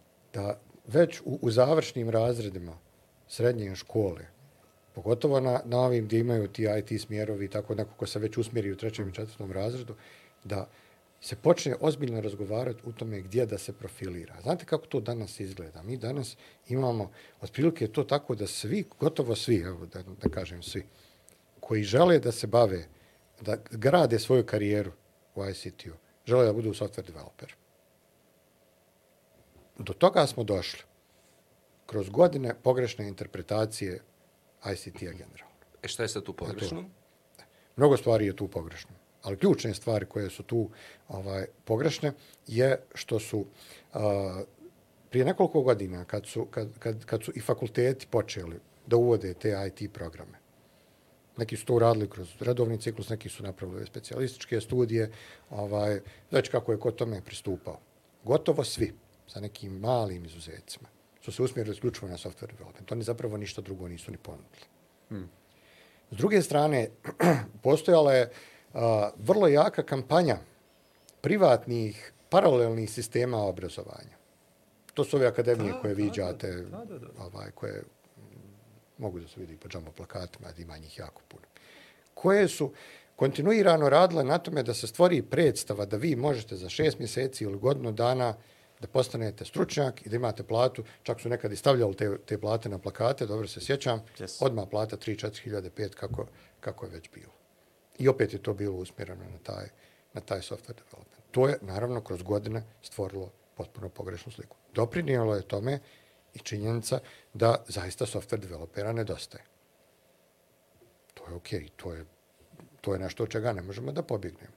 Ali, istovremeno, potpuno zamaglilo to da postoje i druge oblasti u IT-u kojima ljudi mogu da se bave. Jedna koja je danas goruća, evo imali smo sad na ovoj network konferenciji o tome jedan panel, pa smo na Amčamu pravili isto panel o cyber sigurnosti. To je danas goruća tema. Bukvalno goruća tema je cyber sigurnost. Hmm. Vidjeli ste i po medijima šta se dešava, cyber napadi svuda u svijetu. Jo, pa državne institucije nisu radile. Državne institucije. Ni jedna obrazovna institucija u Bosni i Hercegovini koja ima IT program ne školuje stručnjake za cyber sigurnost. A oni danas trebaju ne samo državnim institucijama, oni trebaju svakoj banci. Apsolutno u financijskom sektoru ja znam da, da, da u bankama godinama nedostaje stručnjaka za cyber sigurnost, jer su oni bitnosti cyber sigurnosti postali svjesni mnogo ranije nego što se ovo sad počelo dešavati, jer su oni prirodno meta. Toga ne posto Da. Nemate stručnjaka za cloud servise. To je, evo mi se recimo bavimo cloud servise u Logosoftu. Ja mislim, najmlađi kod nas ovaj, inženjer za cloud servise ima 35 godina. Niko drugi najmlađi. to radi. Ljudi to više ne radi. Administraciju računarskih mreža, smo, ovaj, to ozbilj, mislim, ono, ozbiljnu administraciju inženjering računarskih mreža, niko više neće to uči. Niti to više iko nudi. Mogu bi tako sada nabrajam dalje operativne sisteme, virtualizaciju, to. To se potpuno izgubilo. I šta vi danas imate? Nemate, znači ja konkretno u Logosoftu vrlo teško mogu nađem te ljude. Trebaju nam, imamo posla, a nema ih. Zato što prvo, ne školuje ih niko, a čak i ako, ako ovaj, se ne odluče za formalno obrazovanje, ne interesuje ih to, jer ovi vamo, ja opet idem ono, go with the flow, developeri trebaju svima, a ima se taj utisak da svako može da bude uspješan developer. Znači da je pitanje samo da li hoće. Nije pitanje može. Ne može. Da. Realno ne može. I zato treba da imate neki talent, treba da imate neki afinitet. I ono što ja vrlo često kažem, ja sam siguran da danas postoji jako veliki broj ovaj, prosječnih ili ispod prosječnih developera koji bi bilo recimo sjajni sistem inženjeri. Pa da. Samo da im je neko rekao da, da i to može. I pritom je to možda najjeftiniji dio IT industrije, je li tako? Pa jeste. Mislim, tu, to, je to, je, to, je, to je, jeste, to je rudnik. Mislim, najjeftiniji, ajde, sad zavisi iz kog aspekta ga posmatramo, ali ono, zašto se to kod nas toliko sad traži? Zato što postoji veliki broj što domaći i što stranih kompanija koje su tu u Bosni i Hercegovini, rade za strane kompanije, znači rade klasični outsourcing, treba im dosta tih kadrova. Koji su jeftiniji ovdje, koji su ovdje mnogo jeftiniji nego, nego, pa da kažem, bilo gdje u Evropi. I naravno on to radi iz vrlo pragmatičnih ovaj, razloga. I to je bio i recimo jedan od, od suštinskih razloga zašto su uvedeni specijalistički smjerovi ovaj, za ovi dvogodišnji studiji na, na, na par fakulteta u, u, ovdje u kantonu Sarajevo. Jer je to izguralo udruženje, bit italijansa i svoji vrlo jasnih ovaj, pobuda. I ja čak ne kažem da je to loše. Oni su time riješili taj svoj problem mislim, možda ga nisu riješili, ali su, recimo, potakli da se više tih kadrova ovaj proizvodi. Ali to su bili vrlo partikularni interesi. Tako, njihovi. i to, to je direktni to inženjering bilo, čega se mi da, bojimo u obrazovanju. To je inženjering, to je, da, da, obrazovnog, obrazovnog sistema ovaj, prema, prema potrebama jedne vrlo usko specializirane oblasti. Jedne, usko, jedne, jedne, jedne skupa kompanija kažem to nije ne, ne osuđujem ja to a priori, al to ne rješava ne, naš problem. Ne pravi ja, to nama, ne pravi to nama ni tržište IT stručnjaka, ne pravi to nama ovaj Niti korist za društvo javno u kojem će se njihova da. znanja iskoristiti da, da, da, da se upravo, društvo poboljša, da se pomaknu neke stvari naprijed. Mi I, samo povećavamo kvantitet tako. zapravo time. Tako. I eventualno možda ako oporezuju se neki njihovi prihodi koji dobijaju ili da oni troše novac koji zarađuju ja. unutar ovdje, to je neka indirektna korist koja postoji od takvih Ali to se ne može nazvati napredkom obrazovnog sistema u to smislu. Ne.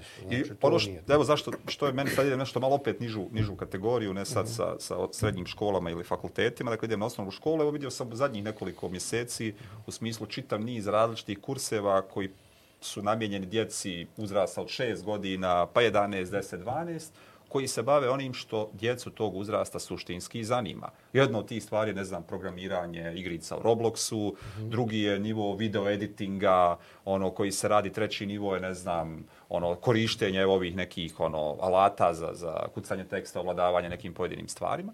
I sad Moje naravno opet logično pitanje, to skošta, to nije jeftino, to rade neki ljudi ono isto preko kurseva, zašto to ne može biti dio obrazovnog sistema? Dakle, zašto te stvari ne bismo išli sa obukama nastavnika koji mogli to da rade, sa uosmišljavanjem ciljeva zašto to radimo, na kom nivou, a sad meni je čitava ono, recimo, kod kreiranja Roblox igrice, šta bi se sve tu moglo raditi sa nastavnicima koji bi zajedno radili sa djecom, dakle, kroz kreiranja priče, osmišljavanja likova, radnje koje neko šta treba da radi, učenja djeteta kako da kodira, vizuelno kako da to izgleda. Dakle, doslovno bi se moglo ono dovesti do... do... Tačno, vi i apsolutno ovo što, što ste vi primijetili da se počelo pojavljivati, po, počelo se pojavljivati naprosto zato što je neko prepoznao da, je, da tu postoji tržište.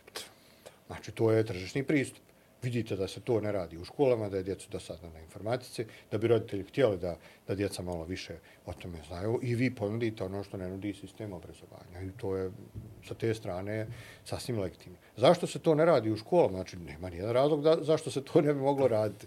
Osim toga, da bi neko s tim trebao vrlo ozbiljno i kontinuirano da se bavi. To ne može, taj problem ne može se riješi preko noći. Evo sad čak i da, i da, i da pretpostavimo da škole imaju adekvatnu opremu ovaj, za, za sve to, a znamo da nemaju Tako sve. Ovaj, i, da, I da se maknemo iz Sarajeva, da nemaju nikako. Upravo to, upravo to. Ovaj, čak i kad bi to pretpostavili, mada je i to vrlo jaka, jaka pretpostavka, opet se vraćamo na pitanje osoblja koje bi to, koje bi to implementiralo. I sad to je ono što se Ovo što ste spominjali vezano za IT industriju i to, tu homogenizaciju industrije u software development, šta je onda incentiv, šta, bi, šta će uopšte postati incentiv motivacije nastavniku, profesoru informatike da, da, da, da bude u školi? To pare nisu. Da, ima neki pojedinaca čak i kojima, kojima je sam profesorski poziv još uvijek interesantan. Ali to je entuzijazam i to je, i meni je jako drago vidjeti, jeste, i to je ono s čim se danas susreću, ne samo, na, ne samo ovaj, ta, ta proizvodnja, da tako nazovemo nastavnika informatike, ja ne znam da li mislim, ste se susreli s tim podacima, to dosta objavljuju zemlje iz okruženja, kod nas se to vrlo onako stidljivo još uvijek govori, danas uopšte više nema interesa za, za bavljanje ovaj, tim profesorskim ili nastavničkim zanatom mm. za bilo koji drugi predmet.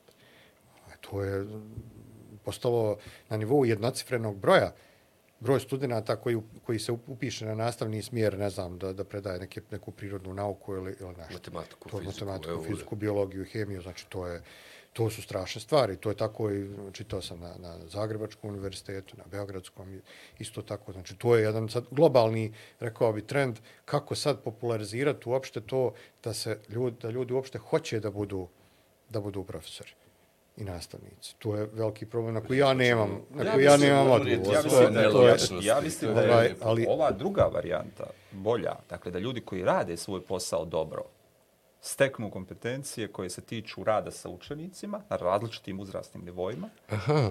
i da onda oni imaju dio onog, jer mislim, ne možemo očekivati da će se oni i kada to, doći nivo... Ali to znači radikalno promišljanje da, škole. Da, to znači ali drugog da, da, evo, da. mi više ne, ne učimo informatiku, nego idemo kod Damira. Ne, ne, u, Damir će u, doći u školu. Dakle, o tome se radi. Da, da, da. da. Dakle, škola je, razumijem, ali evo, dakle, škola je mjesto, dakle, gdje, gdje postoje nekakve postavljeni ciljevi koje treba neko postići, znanja koja djeca trebaju raditi i tražimo najbolje moguće ljude koji imaju znanja iz toga sa dodatnim kompetencijama predavanja koje eventualno možemo proći. I onda naravno imamo odlične ljude u obrazovnom sistemu koji poznaju svoj posao, koji su stekli ono zvanje učenja i rade s djecom. Ili će otići u ovom smjeru, mnogo mračnije, to sam na početku negdje mi naupalo, pa sam to sebi za, za, zapisao, to je ovaj čitav koncept kursizacije obrazovanja da. i opet vraćanje jednom vrlo brutalnom fabričkom modelu.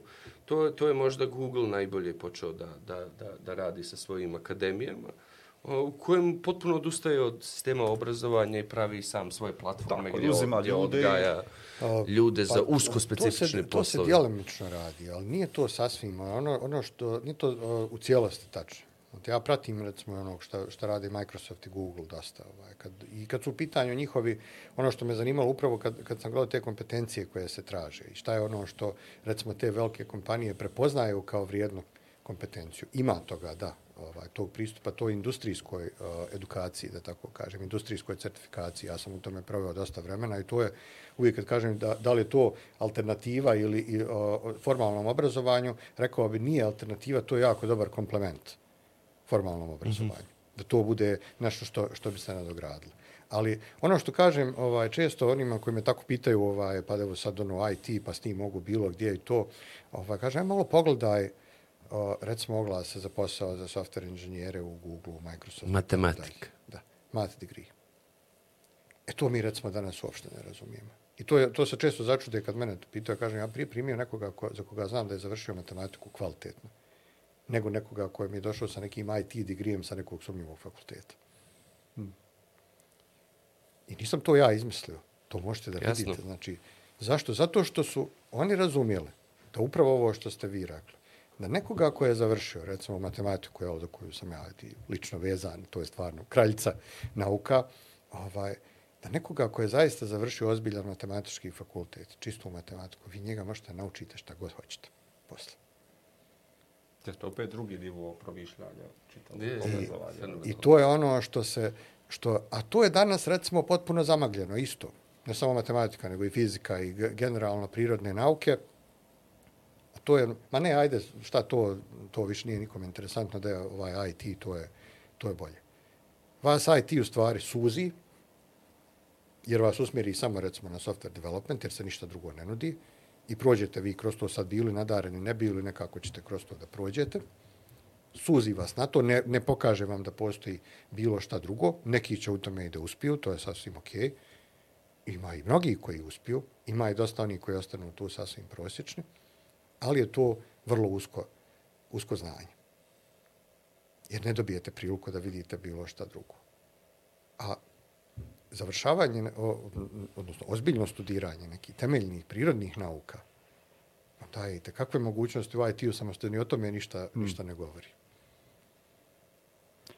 Kad tražite, Microsoft ima recimo jedan ogroman dio koji se bavi healthcare i softverima za healthcare. Ne traže on tu IT-evce. Nego traže recimo biologiju ili za, ili za one koji su završili medicinu. On će naučiti IT vještine za software inženjere, za, Ali za cloud, logiku pronalaska nečega što nije dobro u sistemu primijeniti da, iz nauka. To, to svoje znanje. Google je neko ko to možda ne znate, neko ko zapošljava najviše matematičara na svijetu. Iako biste ga svrstali u IT kompaniju, mislim što je to, ajde, realno, moglo bi sad, sad diskutovati, ovaj, ali jeste, Google jeste IT kompanija. Recimo, Twitter baš i nije IT kompanija. Ali Google jeste IT kompanija. Oni traže matematičare oni, i oni i Microsoft, smo to znam, sponzoriraju konferencije na kojima se okupljaju matematičari i izlažu svoje rezultate iz matematike. Ne iz IT-a, njih to ne zanima, oni to imaju. Nego neka rješenja iz informatike, iz, fiz, iz, iz matematike, iz fizike, koja bi mogli poslije da iskoriste za nešto čime se oni bave.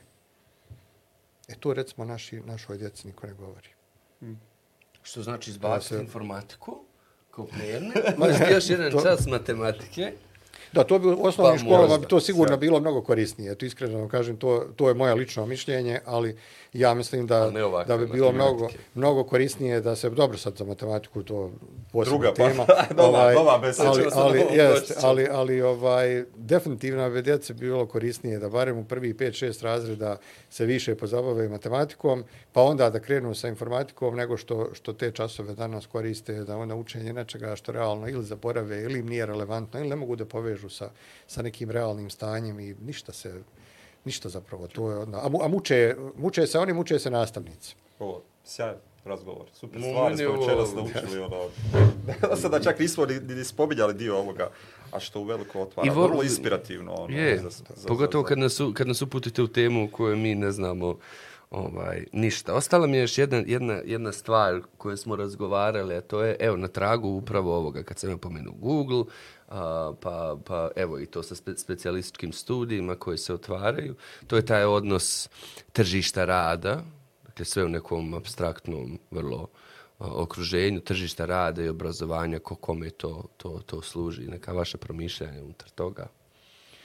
Pa danas se kod nas to visoko obrazovanje, da kažem, da, da se time počnemo baviti, pošto nije još išlo toliko masovno na ove nivoje ispod, a, visoko obrazovanje je postalo biznis.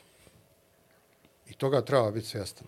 Znači da danas više nije to kao što je bilo nekada da se, da se studenti bore za da se upišu na neki fakultet. Naprotiv, danas se fakulteti bore da im se upišu studenti. I tu imamo ovaj suprotstavljene dvije dvije kako da kažem ka, kategorije jednu koja je full business orijentisana to su privatni fakulteti i druga koja je budžetski orijentisana to su državni fakulteti a bore se na istom tržištu sa motivima koji bi trebalo da budu isti a zapravo nisu Odlično. i to je jedan jedan o, problem za, za, za studenta za brucoše kako izabrati sad na tome. Da. Nažalost, to je, to je išlo ka tome da se, da se dešavao odliv studenta sa državnih fakulteta prema privatnim iz razloga koji smo svi svjesni. Tako. Manje kvalitet, manje zahtjev, skuplje. Niko ne bi volio da, da plaća ako ne mora, ali će platiti da bi, Easy way. da bi nešto prošao na, na lakši način. Nažalost, državni fakulteti su ušli u tu trku. I to je ono što po mom mišljenju, nije trebalo da se desi.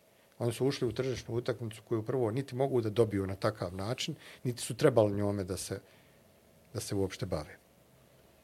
Ako sad pogledamo malo tržišta rada, koje onda, evo sad da se vratimo onu ulogu na početku, što smo rekli da, da nam nije toliko relevantna kao ovaj, poslodavca, i nekoga ako na kraju treba da zaposli, neko ko će završiti sad, na kraju, evo sad i, i, i nevažno zašto god da se odlučio, to je odluka punoljetnog čovjeka, pa on je odabrao što je odabrao, ovaj, vrlo rijetko, ako i kako, se dobije upotrebljivo, upotrebljiv čovjek koji može odmah da počne da radi. Mm.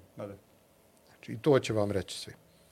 I to ja kažem uglavnom i svima koji kad se upisuju, kažem, ti odluči, evo, možeš pogledati te programe, ovaj, mogu ti posavjetovati par nekih programa koji meni djeluju dobro. Ali ako ne budeš usto radio sam, to što te zanima u tom ICT-u, ti nakon tog fakulteta nećeš biti spreman da radiš nešto što je iz tog momenta upotrebljivo.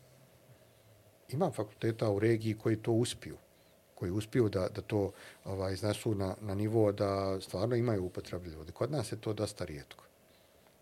I znam da ljudi koji mi primimo kao završene sa fakulteta, treba još jednu, sad zavisi kako kome, evo nekome treba šest mjeseci, nekom treba godinu dana, najbitnije kažem, zdravo treba volja. Ako ima volja da se uči, onda je sve okej. Okay. Ako se neke temeljne stvari naučio, okej, okay, mi ćemo te naučiti ostalo.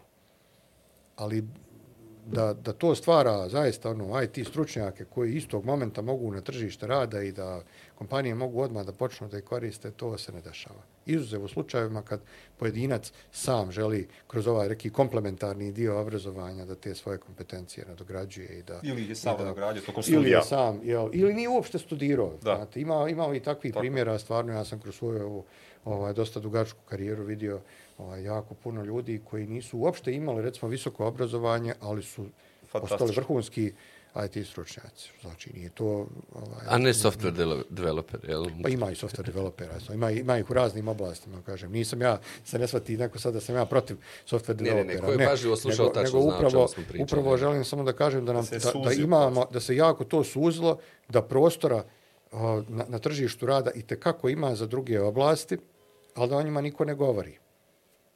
To je ono čime bi zaista što čime bi ja evo lično volio sad opet kažem iz pozicije nekoga ako radi na, na lokalnom tržištu čime bi volio da se pozabave naši fakulteti. Ajde malo ok, zadržite vi taj software development sve super. Ajde otvorite i nešto drugo. Evo, mi ćemo vam pomoći pa ćemo vam pokazati, to je to, je rekao, evo, privatno javno partnerstvo, ovaj, saradnja obrazovnih institucija sa industrijom, mi ćemo vam pokazati koje su to rupe, gdje nedostaje može vam pomoći da napravite i plan i program i da vam kažemo koje su to tehnologije, šta to treba i sve ostalo. Ali na vama je da ponudite to makar kao, hmm. kao, kao izbor. Danas to uopšte nije ponuđeno. Nema, prosto ako software development i tu staje priča. Super. To bilo, to ne može, ne može Damir otići bez da nam preporuči ovaj. knjige. Ne može otići da nam ne preporučite nešto za čitanje. A nastavnici će vas slušati na regionalnoj konferenciji. Da, to sam saznao prije. Evo, to, sad vremena, ovaj, to, to ste me iznenadili, sam još morao vi šta ću. Nemojte tako, pričali smo ovom, samo vi niste znali konačnu odluku. Da, pa dobro. dobro ovaj. Dobro, to knjige sad, to je sad iz kog, iz kog segmenta. Ne mora iz IT, šta god. Ne mora. Pa ne, ja mislim knjige iz IT ja ne bi ne preporučio. to, to je stvarno ovaj, ne stvar kojim se, kojima se bavim, ne, ne vjerujem da su od nekog baš ono širokog tu interesa toga koga to zanima, to će naći sam. Ovaj. Ali, ali recimo ono što, ne znam, u zadnje vrijeme da sam čitao knjige iz ovog biznis segmenta, pa ono koga zanima, recimo taj dio uh, Ride of, the, of, a light, uh, of a Lifetime od Roberta Egera, to je dugogodišnji direktor Disneya, bio je fantastična knjiga. Mm. To, je, to je nešto što bi svakome preporučio da pročita, bez obzira da li se misli baviti nekim biznisom ili se bavi biznisom, ne, ali, ali kao knjiga ovaj jako dobro. Onda Always On uh, je knjiga koja, to je od jednog novinara BBC-a koji je čitav svoj život proveo prateći IT teme. Mm -hmm. I onda je napisao knjigu koja se zove Always On, uh, a koja zapravo sublimira uh, to, te sociološke promjene u društvu koje su se desile pojavom IT tehnologije, mm. odnosno ICT generalno. To je jedna vrlo popularnim jezikom pisana knjiga, ali on je zaista krenuo od doba ovaj, ono, spektruma Komodora, znači to od tih nekih 80. godina, pa sve do današnjih dana.